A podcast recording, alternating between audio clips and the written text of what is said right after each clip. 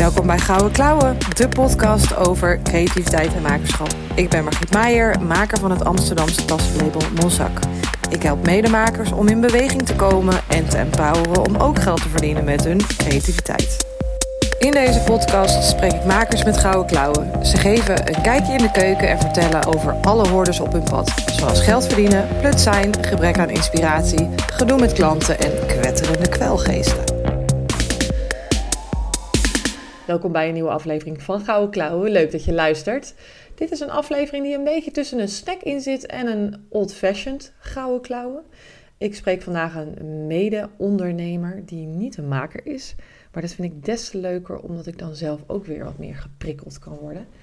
En vandaag is de gast Marisa Bonans. Hartstikke leuk dat je er bent. Dank je, welkom. Ja, ja, hartstikke bedankt. Want het is echt een soort van duo-podcast die we vandaag gaan doen. Ja, um, ja, ik zit ook even na te denken. Het is eigenlijk geen interview, maar gewoon een gesprek. Een gesprek tussen twee ondernemers uh, met een enorme passie voor het vak, voor het ondernemerschap. Ja, ja. en, en wat, we, waar, wat we in common hebben, is onze doelgroep. Ja. En dat is uh, waarom we hier ook vandaag zijn. Ja, de creatieve, de creatieve maker. Ja, precies, precies. En ik, ik kom dus niet zo heel veel mensen tegen, ondernemers, uh, die uh, diezelfde doelgroep hebben. En uh, ik, ik kwam, ik weet niet meer, ik denk dat een van mijn coaches jou ooit eens heeft genoemd en dat jouw naam opgeslagen is, maar ik jou toen op Instagram voorbij is gekomen. Ik denk, hey, dit is interessant, want dit is iemand die met dezelfde soort, hetzelfde soort beltje hakt en met dezelfde soort type mensen te maken heeft. Ja, en ik weet nog dat je mij een bericht eh, stuurde en dat ik dacht, oeh, leuk, inderdaad, iemand die zich eh, bevindt in dezelfde markt. En ja, ik snap er eigenlijk soms helemaal niks van waarom er zo weinig andere ondernemers in deze markt zitten. Want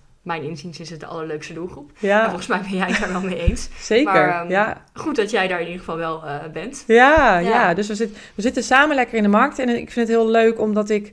Um, je zou kunnen denken, waarom zitten jullie daar samen? Want je bent misschien ook een beetje elkaars concurrent. En ik geloof daar niet zo in, omdat ik altijd denk: je bent ook een bepaald type mens. En mensen gaan aan bij jou en niet bij mij, of aan bij mij en niet bij jou. Of hebben al iets gedaan wat ik aanbied en gaan, willen dan doorgroeien, of andersom. Eens, ja, ik denk dat er altijd juist plek is voor iedereen en dat iedereen een andere invalshoek heeft, een ander product, een andere dienst, iets anders wat ze aanbieden en ook een andere energie waarop mensen wel of niet uh, aanhaken. Ja. Maar misschien is het leuk als we heel kort vertellen uh, wat we beide ja. doen en wat we dan anders doen. Supergoed idee. Begin jij. Ja, uh, wat ik doe, ik help vooral creatieve makers of ondernemers met een fysiek product. Dus ook wel webshops die inkopen en verkopen, wat dan eigenlijk geen makers zijn, naar meer grip op hun geld, inzicht in de cijfers en mijn inziens is inzicht in je cijfers alleen waardevol als je ook krachtige besluiten neemt op basis van die cijfers. Dus een stukje strategie uh, om ja, groter te groeien met je bedrijf. Ja, mooi. Dit heb je vaker gezegd. Dit heb ik vaker gezegd, ja. Hadden het net over dat je vaker ook een masterclass geeft. En uh, ja, dan zit het er helemaal lekker in. En dan heb je waarschijnlijk ook heel vaak wel een beetje geschoven met oh ja, dit woord klinkt wat beter of dat woord dekt de lading wat beter? Ja, dat, dat, dat zeker. Al moet ik ook zeggen dat ik heb geen um, elevator pitch. En het is wel, wel grappig, want ik sprak vanochtend een, uh, een andere ondernemer in de, in de call. En ze zei, ja, ik moet eigenlijk nog even werken aan mijn elevator pitch. Pas dan kan ik verkopen. En ik dacht, wat is exact mijn elevator pitch? Als je weet wat je doet, komt er altijd iets uit wat ongeveer de lading dekt. Ja. Uh, en dat is misschien nog wel het meest natuurlijke. Het hoeft niet altijd op exact dezelfde manier of het exact dezelfde riedel, maar vooral nee. weten wat je doet. Zeker. En, en ik denk dat, of zo zie ik dat, uh, is dat het ook heel erg afhangt van wie er voor je zit. Ja. Want ik ben zo'n type die het ook heel erg uh, customized naar degene die, die ik voor me heb. Um, dus ja, dat. En, en, en hoe zou je het omschrijven voor uh, mijn luisteraars? Hoe ik mezelf zou omschrijven voor jouw luisteraars? Ja, um, ja ik ben dus Margriet. Ik ben Margriet Meijer. Ik um, maak al sinds 2012 tassen. Ik had ooit... Ik had ooit... Ik had al vanaf jongs af aan een enorme tassenliefde. Um, mijn eerste tas was een tas in de vorm van een kikker. Die uh, zie je ook in mijn atelier daar zo hangen. Ik wijs nu naar Marissa. Oh, leuk. Ja, we, we, zitten ook in het atelier. ja. Ik zit er helemaal in. Ja. En eh, ehm, ik vond ooit een hele mooie dure tas in een winkel. En toen dacht ik, oh, die is vet, maar die is veel te duur. Uh, en in die tijd kocht mijn moeder voor haar naaischool een leermachine. En toen dacht ik, oeh, dat kan ik misschien wel zelf gaan maken. Enerzijds vond ik het heel erg overdreven dat je zo'n grote machine koopt alleen voor leer, voor een paar mensen die dan iets willen maken mhm. van leer. En anderzijds dacht ik, ook wel interessant. Ik ben al zo'n nieuwsgierig aagje die dat dan uh, ook alweer wil proberen. Dus ik maakte een tas voor mezelf. Zette ik op Instagram, wat toen nog heel erg klein was in Nederland. En dat zagen mensen die ik kende en die dachten, oh, dat vind ik ook wel leuk. En zo is dat ontstaan. Ik had altijd wel een ondernemersgeest. Als kind verkocht ik ook al op, de, op Koninginnedag. Uh, ik vond het, het concept dat je iets in je hoofd bedenkt, een idee in je hoofd bedenkt. En dat dan via je handen zo naar buiten kan brengen. En dat iemand anders daar blij op reageert.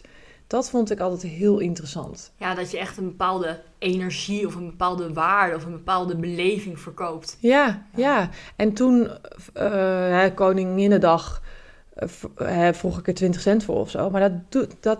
Dus het gaat mij niet per se alleen om het geld. Uh, het gaat mij meer om die, ja, om die, um, die, die handdruk of zo. Of om dat, dat gevoel van ik maak iets, ik, ik bedenk iets, ik maak iets en een ander kan ik daar blij mee maken. Mhm. Dat principe vind ik heel interessant. Ja, en ik denk dat het ook een hele interessante is als we veel meer die beleving of die energie verkopen. Van oké, wat heeft het eigenlijk op, voor effect op een ander? Uh, wow, het is eigenlijk een, eindelijk een tas waar ik alles in kan stoppen. Zodat ik niet meer 15 keer hoef te zoeken welke neem ik nu mee. Precies. En dat we dat dus eigenlijk ook veel meer verkopen. Precies, ja. En dat, daar kwam ik op een gegeven moment achter dat toen ik dus meer ging duiken in marketing en in hoe, je, hoe verkoop je nou, dat daar heel veel psychologie achter zit. Er is heel veel psychologie achter. En ik vind het grappig dat je het had over Koninginnedag. Ik, uh, wij komen nog uit de Koninginnedag uh, ja. tijd, dat, we, dat we zelf op de markt stonden. Dat ik op een gegeven moment allemaal oude kleding had die ik graag wilde verkopen. En dat ik dacht, oké, hoe kan ik dit nou op de meest, op de optimale manier verkopen? En dat ik allemaal, uh, nou ja, noem het celebrities online had gevonden die dan ook een blauw jurkje droegen. En dat ik die dan ging uitprinten en daar dat jurkje ging bijhangen. Oh, alsof ze dat konden kopen. En dat ja. dat enorm veel deed voor mijn verkoopresultaten op de markt. dus dat het ook gewoon heel interessant is om te kijken, oké, maar hoe verkoop je dan? Ja, en hoe verkoop je dan dus meer? Ja, hoe verkoop je meer? Hoe verkoop je niet alleen maar, oké, ik heb hier een blauwe jurk, maar dat mensen langslopen en denken, oeh, maar deze blauwe jurk is geschikt voor uh, een, een bepaald event of een bepaald feestje. Of uh, werd ook gedragen door, uh, nou ja, dit idool. Ja. Ik moet dat ook hebben. Ja, ja mensen precies. altijd een beleving of een verlangen kopen. Ja, ja 100% een gevoel. Dat is, dat, je, je, je verkoopt uiteindelijk een gevoel. Het is niet het fysieke product alleen wat mensen blij maakt. Maar het, is, het is, dat, dat, dat ben ik gaan doen en ik ben daar... Het, het, begon als een hobby. Dat is zoals zoveel die nu luisteren, denk ik, is het uit de hand gelopen. En bleek ik een echte ondernemer te zijn. En um, verkoop ik dus al sinds 2012 tassen. Uh, ik heb het onlangs geteld. Het zijn 6500 tassen. Uh, en, en dat zijn nog niet eens de, de workshops en de accessoires erbij. Dus dat vind ik voor mij een heel mooi bewijs dat ik wel goed kan verkopen. en, uh, um, en toen op een gegeven moment... Ik vond het altijd heel leuk om op markten te staan met mijn tassen. En, maar ik vond het ook heel leuk om met mijn medemakers dan op die markten mhm. te, te kletsen. En dan had ik het altijd over. En hoe doe je dit en hoe doe je dat? En hoe, hoe verkoop jij en hoe loopt je webshop? En, die, en 9, van de 10 keer keken die mensen mij dan aan van... Ja, sorry, waar heb je het over? Ik, Wat maakt het uit? Ik ben gewoon aan het maken. Ja, ik ben gewoon een maker. Ik ben geen ondernemer. En toen ging ik me realiseren van... Oh, oké, dus ik ben wel een ander soort maker dan de gemiddelde maker. Maker met een ondernemersgen. Ja, precies, precies. En, en uh, toen is het idee ontstaan om andere makers te gaan helpen om, om zichzelf en hun product te verkopen. Want dat vind ik wel belangrijk om te zeggen. Als maker weet ik als geen ander hoe die onzichtbare navelstreng tussen jou en je product uh, inhangt. En het daarom dus zo ongelooflijk spannend kan zijn om jezelf en je product te verkopen, omdat het een deel van jou is. Bedoel je dat daar ook een stukje de angst voor afwijzing onder zit. De angst voor, oké, maar als mensen mijn product niet kopen, zegt dat ook wat over mij. En daardoor eigenlijk ook heel erg de spanning hebben om het product zichtbaar te laten zijn. Want als je je product niet aanbiedt of niet uh, zichtbaar maakt, kunnen mensen het simpelweg ook niet kopen. Nee. Of het wordt een stuk lastiger. Ja, wel 100% mee eens. Ja, nee, absoluut. Dus, dus ben ik het wel waard? Wie zit er op mij te wachten? Er zijn al zoveel puntje, puntje, puntje makers. Eh, Er zit zoveel, ja, ook weer psychologie daarachter. Eh, dat mindsetstuk vind ik eh, heel boeiend. En daar help ik dus andere makers mee om, om ja, uit die, uit die eh, onzekerheid te groeien en, en, en eh, te gaan voor die financiële of die, die creatieve vrijheid, die uiteindelijk dan ook financiële vrijheid is. Ehm, Ja, ik denk dat het ook mooi is, dat, dat zie ik ook heel erg bij, bij mijn klanten en bij de ondernemers die ik help, dat creatieve vrijheid en financiële vrijheid juist heel goed samengaat. Omdat als je geen zorgen meer hebt over, goh, ga ik hier geld mee verdienen, er minder ruis is in je hoofd en daardoor ook weer veel meer de creativiteit kan Ja. stromen. 100 procent. Ik bedoel, ik heb zelf ook periodes gehad dat ik dat er. Neem, neem corona, dat er gewoon veel minder binnenkwam. En dat is zo funest voor je creativiteit, want dat stroomt dan gewoon minder. Dus ik wil uiteindelijk.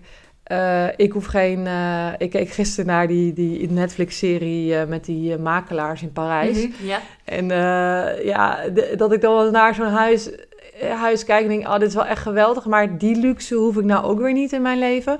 Voor mij, ik wil gewoon, ik wil gewoon tijd kopen. Dus ik wil Ja. tassen verkopen om tijd te kopen om mijn creativiteit kwijt ja te en kunnen. ook om herinneringen te maken. En dat is ook denk ik wel een mooi punt, omdat veel ondernemers die bij me zeggen, ja, weet je, ik wil er gewoon prima van leven en het is, het is wel, wel goed en ik wil wel winst maken, maar het hoeft allemaal niet zoveel. Mhm. Maar die winst kan je ook inzetten voor meer tijd. Ja. Eh, of doe er iets anders mee. Eh, Ja. Maar het hoeft niet allemaal goud behang te worden. Nee. Zeker niet. Nee. Nee, of een Rolls Royce eh, Nee, of een buitenhuisje. Absoluut niet. Nee. Maar als ik het zo hoor, heb je zelf redelijk de drempel qua... Goh, ik moet zichtbaar zijn en ik moet over de angst heen...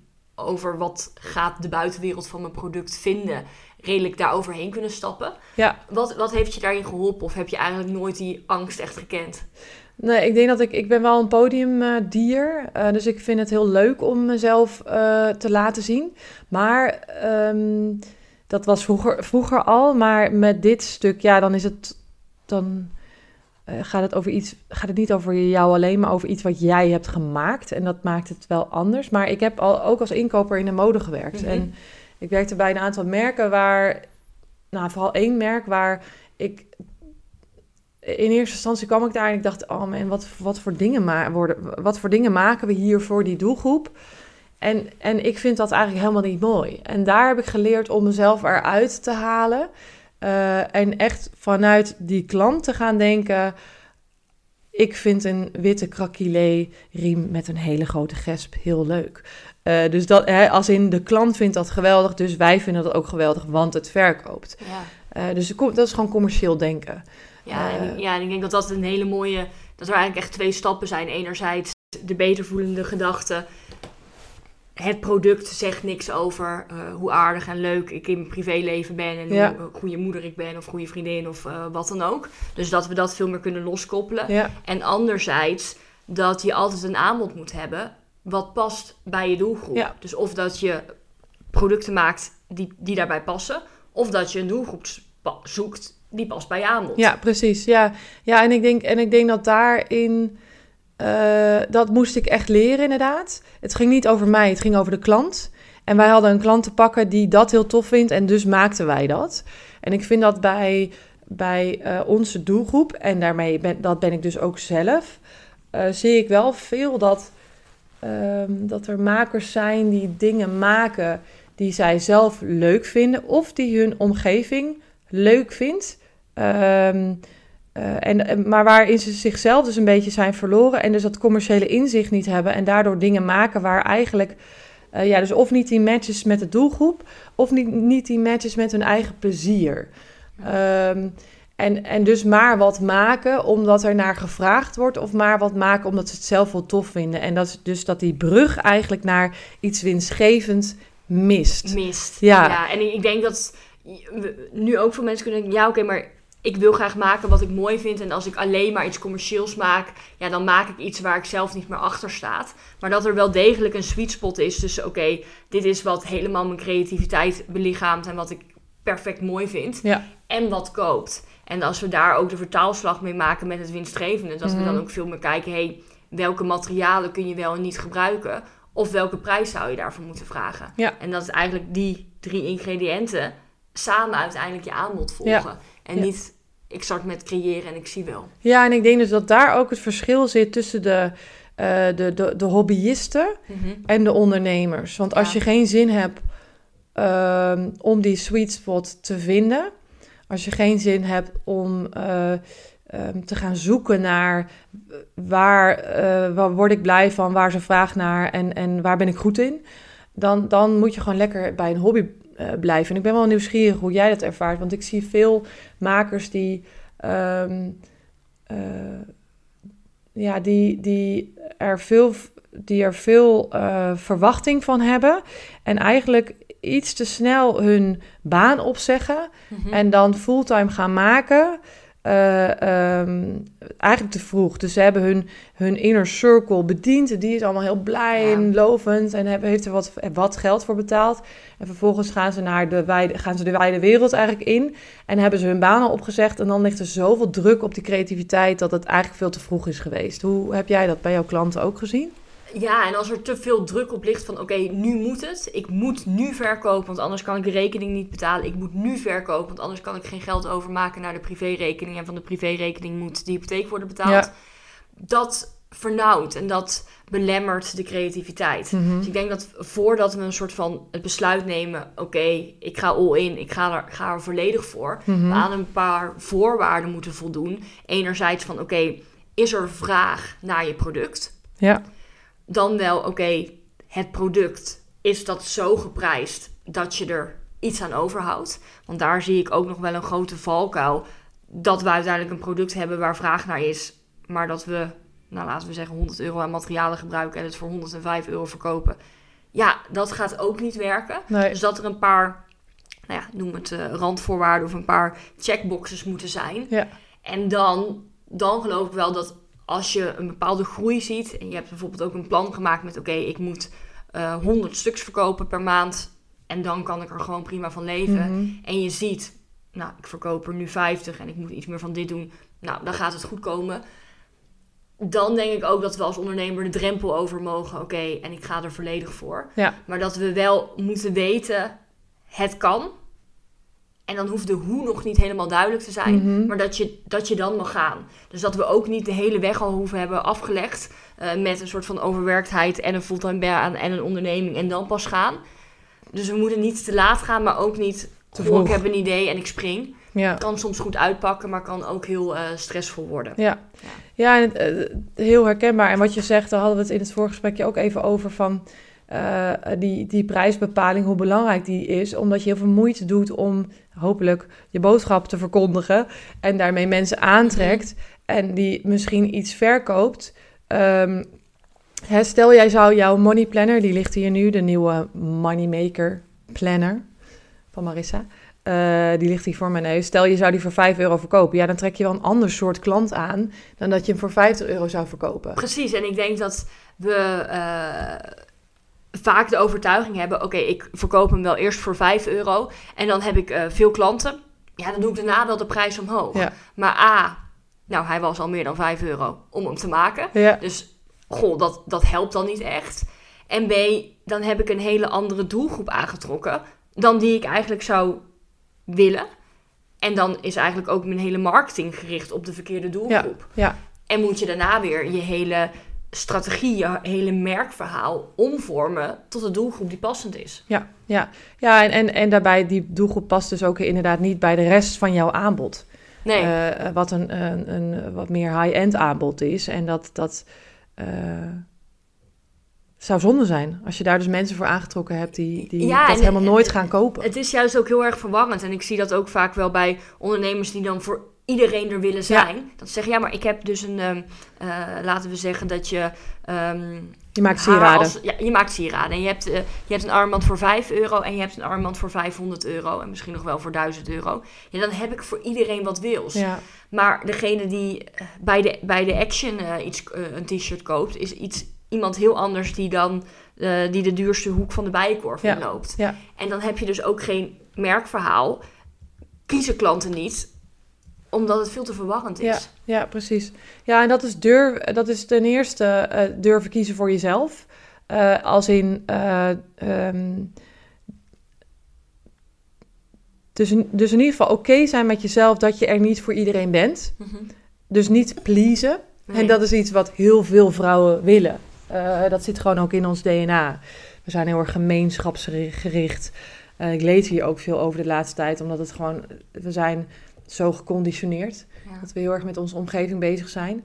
Ehm, maar dat houdt onze eigen groei tegen. Dus, dus dat please inderdaad, dat je daarmee stopt en voelt van waar word ik nou blij van. Maar waar is dus ook vraag naar en van welke mensen word ik blij om te helpen. Ja.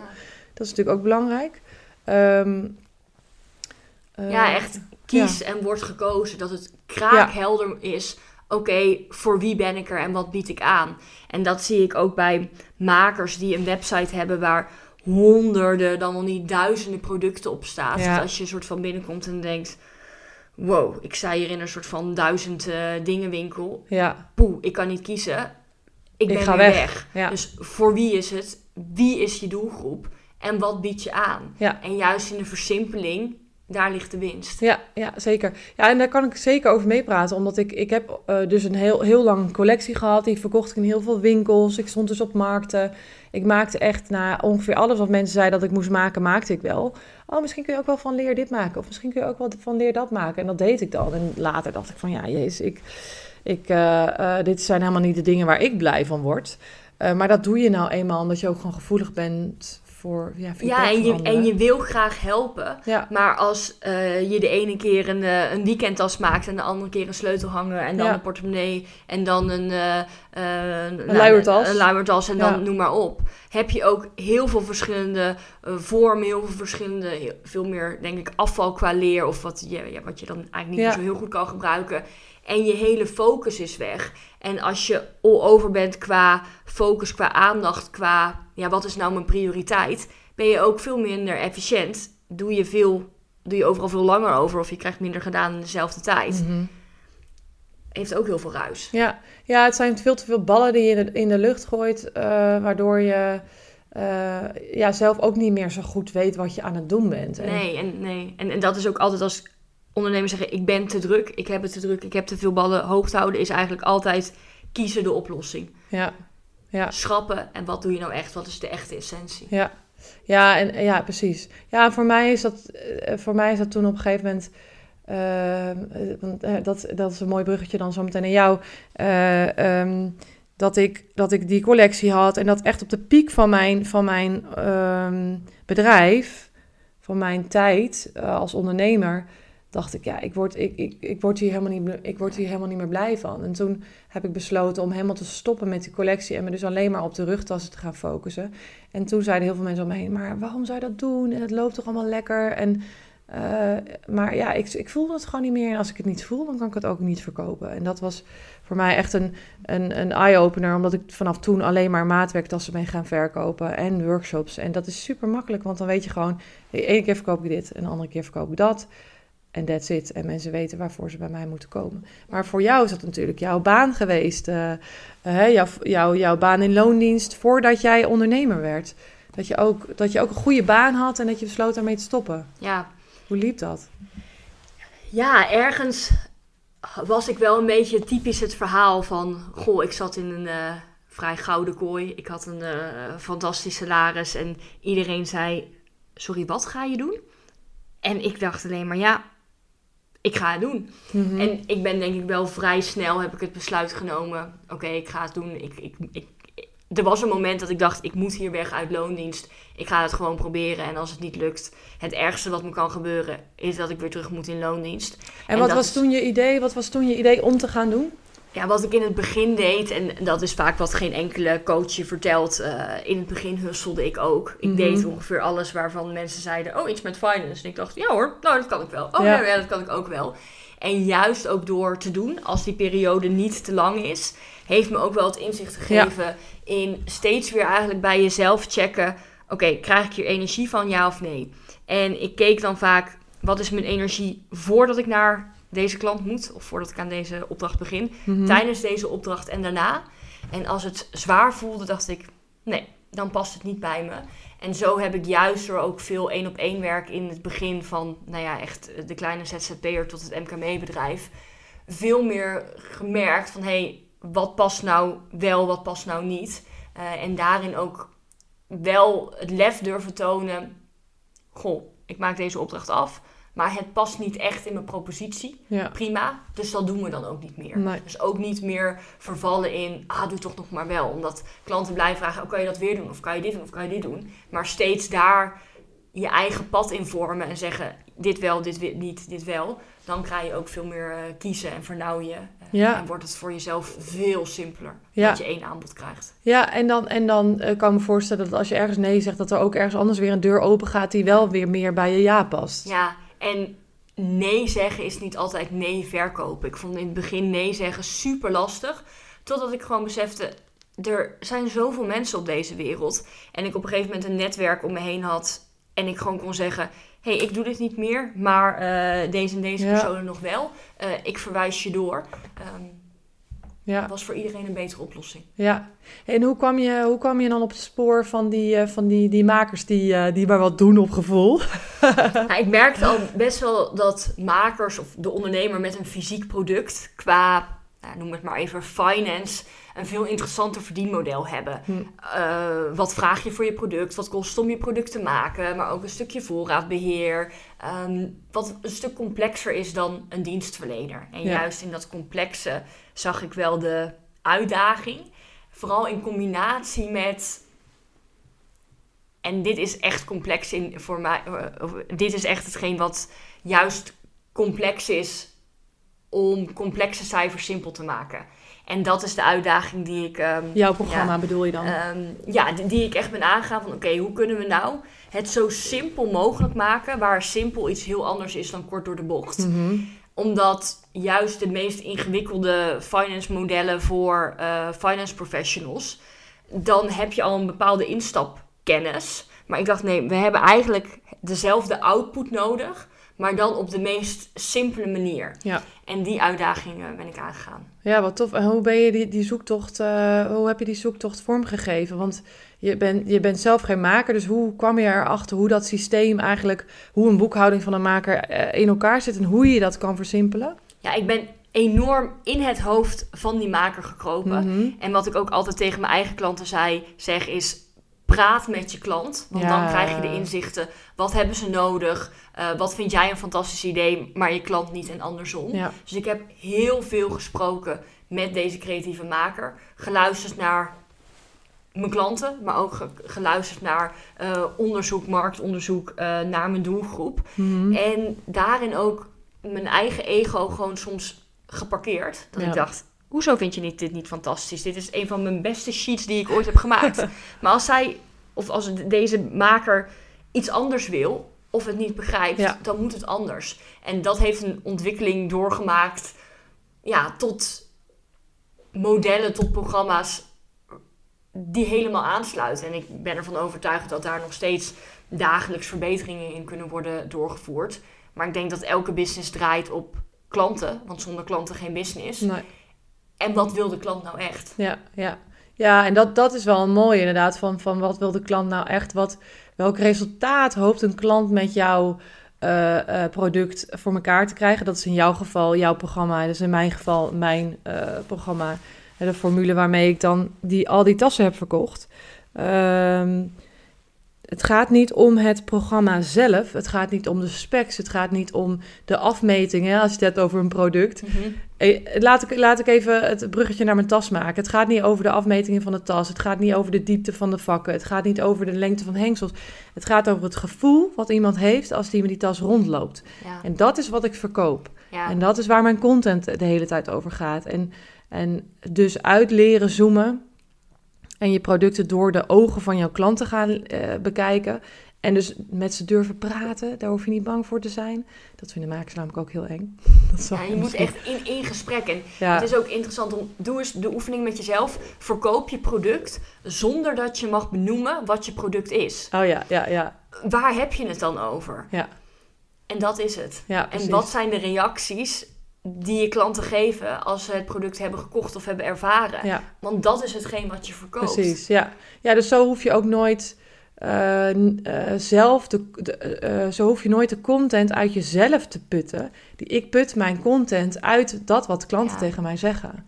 En zo, daar hadden we het van tevoren, ook al, van tevoren ook al even over. Dat je alle teksten die op onze website staan, die, die, die zijn, zijn gevormd door al die gesprekken die we met klanten hebben Ja, gehad. die zijn gewoon geschreven door, door Ja, klanten. en ik zei het ook eigenlijk al wel. tegen jou, soms heb je een sales call of een klant call. En dan denk ik, wat je nu zegt, is echt briljant. Ja, En dat zijn precies de woorden. Ja. En dat kan bij diensten, maar ook bij producten. ja, Wat voelen ze nou? Wa- waarom vinden ze het leuk? Wat voor compliment kregen ze als ze met het product rondlopen?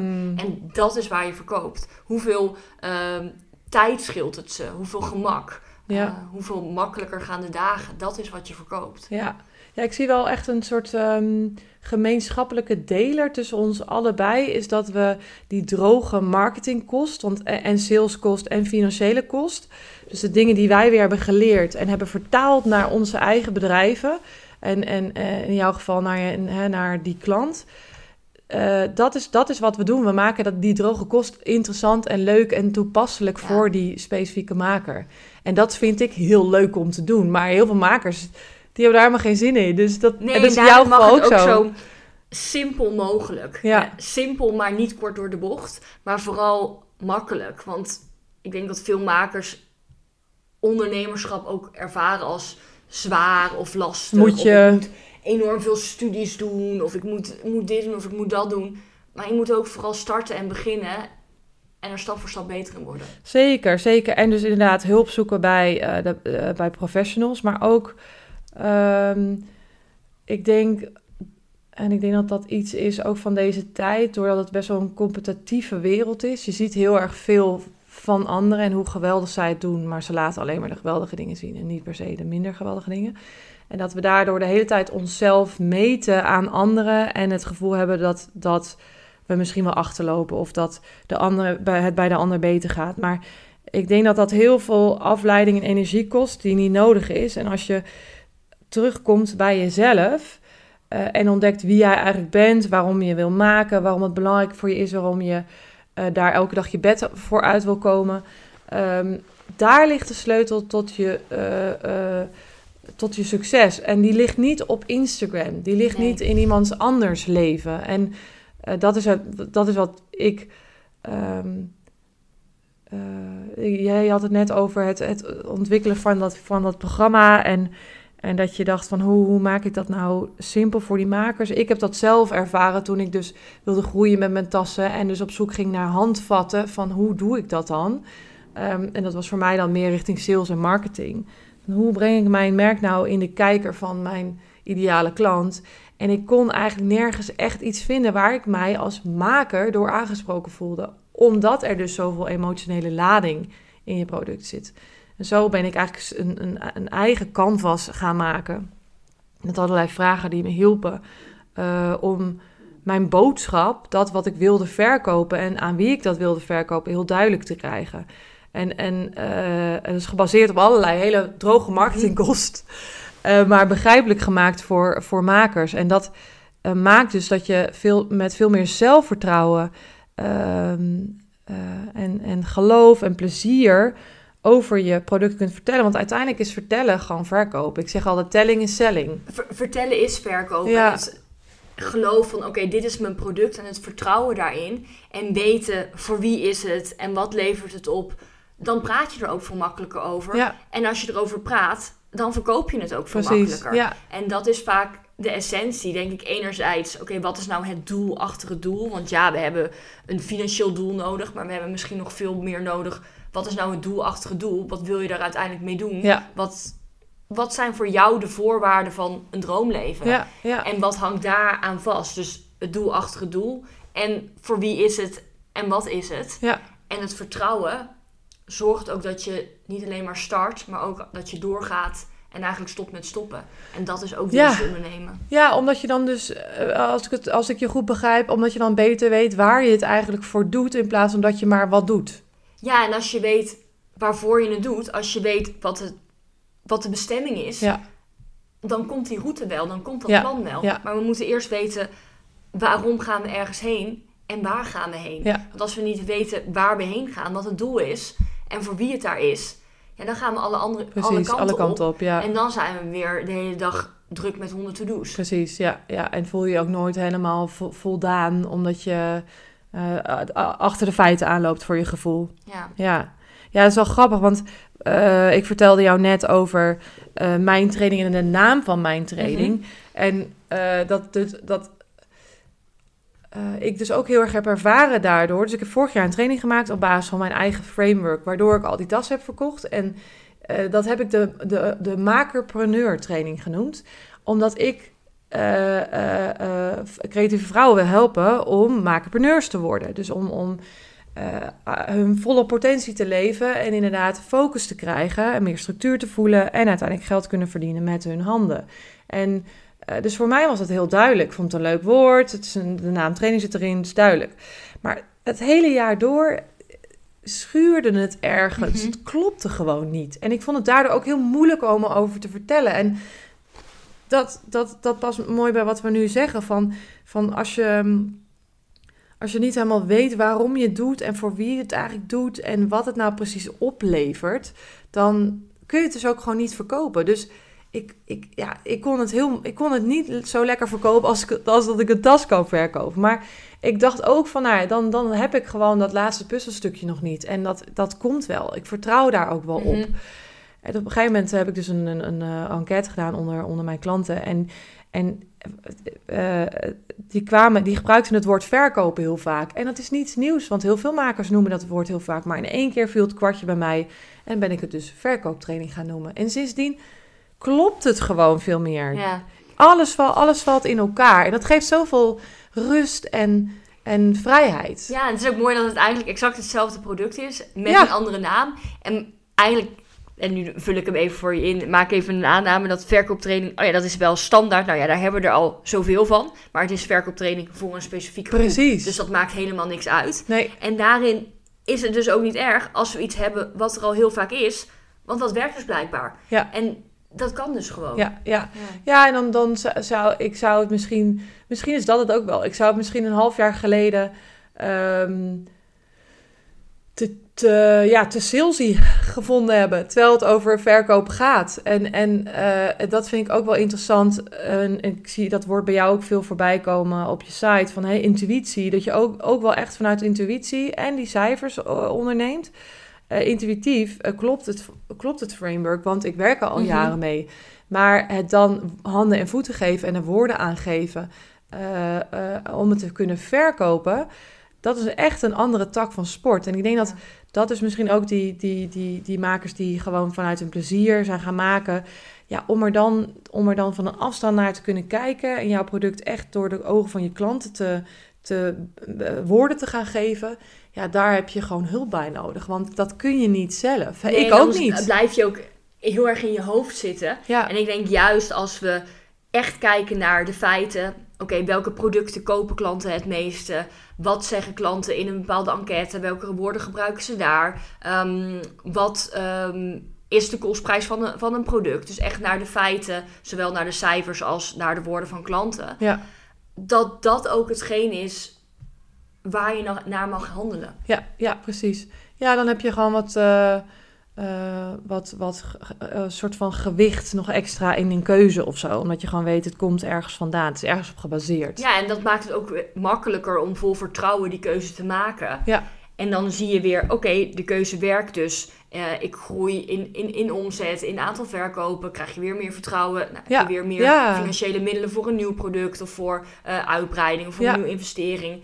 En dan hebben we het vliegwiel van het ondernemerschap aan. Ja, ja, precies. En dat is dus voor iedereen anders. Dat is dus Ja. voor elke ondernemer weer anders en maatwerk. En dat is ook waar jij weer ondernemers... eh, dus je hebt de training en naast de training help je ook ondernemers meer één op één... om dat eh, Ja, ja, te- voor klopt. elkaar te krijgen. Ja. Eh, en, en wat voor vorm help jij je klanten?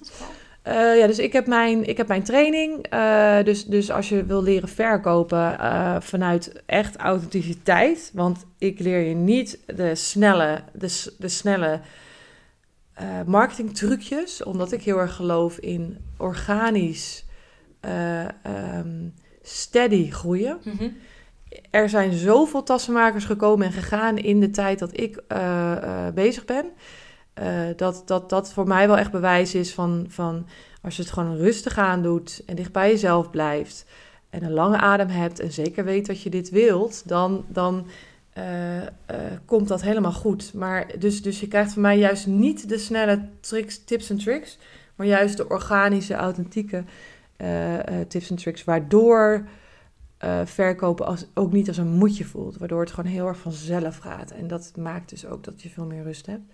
En daarnaast help ik dus ook makers één op één. Ik heb een coachingsopleiding gedaan, omdat ik merk dus dat het heel erg gaat over mindset, over hoe Ja. kijk je naar jezelf, hoe ehm, denk je over jezelf, Ehm, gun je het jezelf, durf je die plek in te nemen. En daarvoor vond ik wel dat ik wat meer ook de diepgang in eh, moet Ja. kunnen gaan met makers, dus vandaar ook die opleiding. Ja. En vind je het stukje mindset, het stukje hoe denk je over jezelf, je gedachten, vooral voor de startende maker? Of zeg je eigenlijk every level has a new level en dat is eigenlijk iets wat terug blijft komen? Je, Ja. Help je vooral de starter of eigenlijk ook de gevorderde Ook maker? de gevorderde maker, ja, ja, ja. Want, want eh, gevorderde dat vind ik, is ook wel interessant. Want ik heb in mijn podcast heel veel makers gehad die, die eh, eh, op het eerste oog heel groot, Mhm. groots lijken. En wa- waarvan je denkt, wow, die, die gaat echt lekker.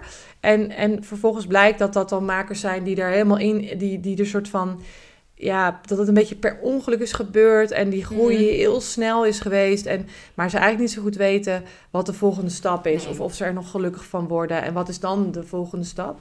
Eh, dus het, eh, dat maakt mij eigenlijk niet zoveel uit. Maar één op één kan ook juist als je heel erg nieuw bent en denkt... oh jeetje, ik zit in loondienst. Ik wil graag een creatiever leven. Hoe ga ik dat aanpakken? Eh, eh, wil ik dat überhaupt? Het onderzoeken daarvan. Maar ook inderdaad iemand die al veel verder is... en een nieuwe richting op wil gaan in zijn bedrijf. Dat, dat kan ook. Ja, en zo is er denk ik of altijd een opstartfase of nooit een opstartfase van, van waar begin ik, wat bied ik aan, tot oké, hoe ga ik schalen? En er is altijd weer een nieuwe fase. Ja, ja, ja, ja, precies. En dat merk ik zelf ook in, eh, in mijn bedrijf. Dat je toen ik ook eh, veel tassen liet maken door eh, freelancers. Ja, dan, dan kom je in een hele nieuwe fase waarin je uit gaat besteden. En, of, of zelfs producties misschien wel uit gaat besteden. Dat is echt wel weer iets heel nieuws. En dan neem je een hele nieuwe rol in van een manager bijvoorbeeld. Ja, dat zijn ook wel spannende dingen die je ook moet proberen om te kijken of het bij je past. Bij mij past het dus totaal niet. Uh, maar dat is helemaal wat je eerder ook al zei, die trechter waar je dan in terecht komt. Van je probeert dingen, je gaat op je bek, uh, je denkt dat je klant er blij van wordt en het is geen match. Uh, en, en dat is ook prima. En daarin is vooral snel naar de feiten kunnen kijken en snel ook keuzes kunnen maken. Dus niet te Ja. lang blijven hangen in maar ik dacht dat het goed zou werken. Ik moet vast nog even doorgaan. Ja. Maar ook, oké, nou, de feiten zeggen dat het anders is. Oké, ik neem een besluit. Hoppa, dit gaat weg, dat gaat weg. Ja. En ik ga weer naar het volgende. Ja. Dat die snelle keuzes makkelijker worden door de feiten. En dus ook je groei versnellen. Mhm, mhm. Zeker. En eh, ik denk ook dat het uh, voor ons beiden... We spreken en zien zoveel verschillende soorten makers. Dus dat versnelt ook het proces. Van, oh ja, volgens mij... Hè, dat je... Dat je Um, ik, ik, ik ben een tassenmaker, maar ik spreek ook keramisten, illustratoren, allerlei verschillende soorten makers, waardoor je weet, oké, okay, in die branche werkt een beetje dat, of daar werkt een beetje dit, of hier, eh, laten we dit eens proberen wat Pietje heeft gedaan. Ja. Of dat, dat, uh, uiteindelijk is het, is het maatwerk, maar uh, je hebt gewoon zoveel kennis. Ja, en op een gegeven moment weet je wat werkt en wat niet werkt. Ja, ja. En tuurlijk, bij de een is het net wat anders dan bij de ander. Maar je kunt een vrij goede inschatting maken. ja. ja. ja. Ja. hey Marissa, wat is verder voor jou dit jaar, uh, dit jaar een, een doel of een plan of een verlangen voor jouzelf als ondernemer? Oh, dat is een uh, leuke vraag. Uh, nou, um, ik ben bezig met mijn eerste boek. ah. Dus dat is er een... eh, naast de planner? Naast de planner. Echt okay. een, een, boek. Um, eind dit jaar. Uh, ik moet eerlijk zeggen dat het uh, vrij veel tijd kost, maar dat het uh, ook veel oplevert en veel plezier met zich meebrengt. Um, en wat, wat, gaat de, wat gaat het onderwerp worden van het boek? Nou, er zijn nog verschillende werktitels, mm -hmm. maar het is vooral een boek voor ja, de, de creatieve maker um, en vooral de ondernemer die intuïtie, gevoel, maar ook feiten wil combineren. De ondernemer die al het besluit heeft genomen: oké, okay, ik ga volle bak voor dit bedrijf, ja. maar hoe kan ik het nou op de meest simpele en leuke manier sneller laten groeien eh, en daarin het overzicht bewaren. Mhm. Cool. Daar sluit het eigenlijk bij aan. Ja, tof. Ehm, ja, en ja, er zijn altijd honderden ideeën voor nieuwe programma's in de, in de pijplijn. En ik heb ook wel geleerd, eerst het ene programma, dan het andere programma. En Ja. ondertussen goed testen met mijn, eh, met mijn doelgroep. Ja, Ja. ja en dat, dat is ook weer die rust en het simpel houden, eh, ook voor jezelf om het leuk Ja. te houden. Want ik Ja. denk dat je ook wel een, een ambitieuze ondernemersgeest hebt, die je ook af en toe een beetje moet temmen. Ik moet het ook inderdaad eh, temmen. En het grappige is altijd wat je aan je eigen ehm, klant of je eigen publiek leert. Focus, prioriteiten stellen. Eerst een doel, dan een richting, dan focus, dan prioriteiten. Mhm. Ehm, dat heb ik zelf ook nodig. Ja, Ehm, ja. Dus het eerst het een, dan het ander. Ja, Eh, ja, klinkt goed. ja. En voor jou? Voor mij, ik vind spreken heel erg leuk. Ik vind het heel erg leuk om eh, voor een groep mensen te staan en die eh, te inspireren en met, eh, en met mijn ervaringen ze te helpen om nieuwe luikjes in hun hoofd open te zetten. Eh, dus daar wil ik ehm, eh, meer aandacht aan gaan geven. En ehm, eh, ja, voor mij is het nu helemaal fijn dat ik, dat ik me helemaal kan gaan focussen op de verkooptraining. Als in ja, makers helpen te verkopen. Het is heel grappig, maar ja, dat, dat woord, dat heeft voor mij zo'n shift eh, in Ja. mijzelf eh, gebracht. En, en ik moet zeggen, ik heb heel veel, ik doe al jaren aan heel veel persoonlijke ontwikkeling. En ik merk dat ik in een soort nieuwe fase kom waarin er heel veel dingen bij elkaar gekomen zijn, puzzelstukjes in elkaar gevallen zijn, waardoor ik weer ehm, ja, met een soort van nieuwe energie ehm, ook wat, wat relaxer in mijn werk sta en daardoor wat meer afstand kan nemen en daardoor ook wat meer focus op mijn privéleven kan eh, Ja. eh, zetten. Ja, ik denk dat dat ook wel een mooie is. Want uiteindelijk is je bedrijf ook een middel voor een bepaald privéleven. Ja, En is je bedrijf niet het doel op zich. nee. In ieder geval, zo zie ik het heel erg. Ja, en dat, dat is voor mij de balans daarin vinden, is, Ja. vind ik heel ingewikkeld. Omdat het zo eh, dicht bij mijn hart ligt en ik het ook zo leuk vind. Ehm, maar ik heb zoveel jaren alle focus op mijn werk gehad. En, en mijn privéleven een beetje, ehm, ja, hoe zeg je dat, onder laten sneeuwen. Dus dat ben ik een beetje aan het afstoffen.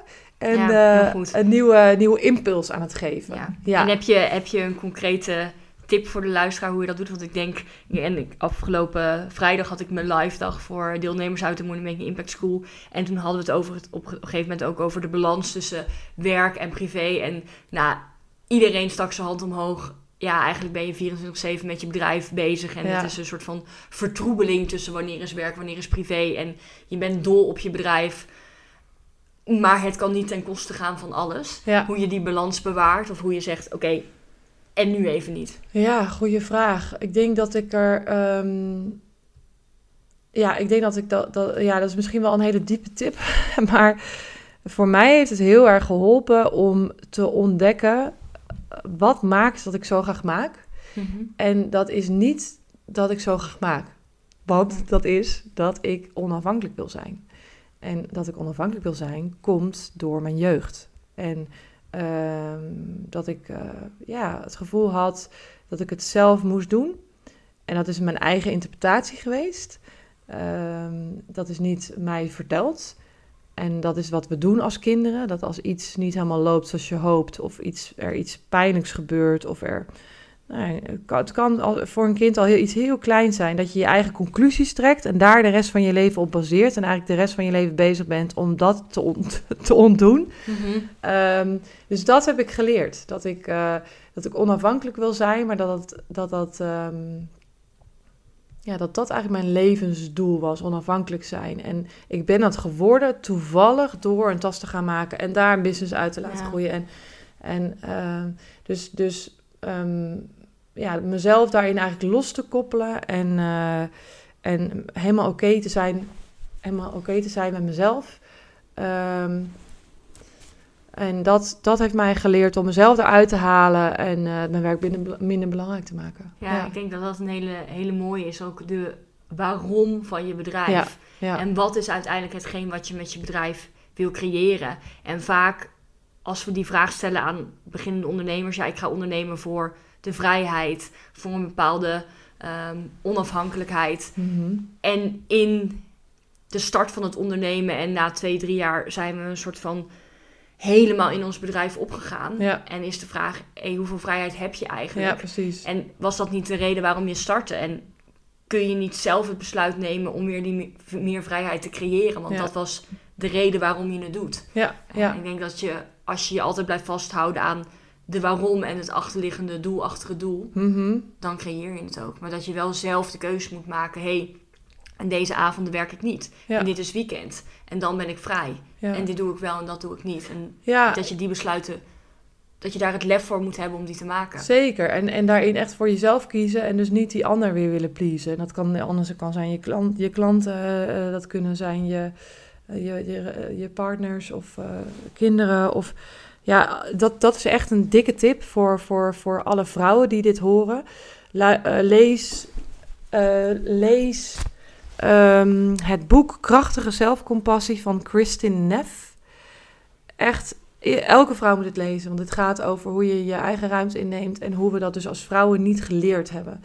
En ik denk dat dat voor ondernemers ook echt een heel goed, eh, een hele, hele belangrijke les eh, is. Ja, Ja. ja. het is een prachtig boek. Ja. Je hebt hem ook gelezen? Ja, en het is vooral heel, ehm, heel raak. Ja. En toe te passen op je privéleven, op je zakelijke leven en eigenlijk Ja. op het totale leven. Ja, Over het vertrouwen durven hebben, de ruimte durven in te nemen. En ook, en mensen vinden het altijd een beetje vreemd, omdat wat ik doe is natuurlijk heel strategisch en heel feitelijk. Mhm. Maar strategie en feiten brengen je bijna niks of veel minder als je eh, ja, niet het stukje goed hebt zitten in je, in je mindset. ja, ja, ja, wat goed. Wat, wat fijn dat jij dat ook gelezen hebt, want dan kun jij het ook weer doorgeven aan jou. eh, Ja, het is altijd echt de combinatie. En ik weet nog wel, toen ik startte met ondernemen, zag ik ook veel. eh, ja, en ondernemen is ehm 80% eh, mindset, 20% strategie. En ik dacht, nou, het zal maar wat. Volgens mij is het gewoon strategie. Ik weet nog steeds niet zeker of het 80-20 Ja, is. ja, Ehm, maar ik geloof wel, of ik ben er meer dan van overtuigd, dat mindset ehm, een bizar belangrijk onderdeel is. ja. Daarom is het denk ik ook zo waardevol wat je, ja, wat je doet. Ja, nou leuk om te horen. En het is heel waardevol wat, jou, wat, wat jij doet. Het is heel herkenbaar, eh het, het ondernemen ook op gevoel. En denken, nou dat komt wel goed met die cijfers. En eh, dus eh, ik, ga, ik ga je zeker, eh, zeker blijven volgen. Super. Eh, ja, ja. Eens, eh, eens gelijks. ja, leuk. Dankjewel dat je, dat je in ieder geval mijn atelier Ja, was. ja, jij bedankt. Het is echt, ehm, want hier geef je ook de, de workshops. Ja. Eh, Ja, hier kun je ook een tas leren maken. alleen al zijn is leuk. Ja. Ja, Ja, super. Tof. Heel leuk dat je luisterde allemaal. En eh, je vindt onze, onze beide informatie, eh, linkjes en Instagram en dergelijke in de show notes.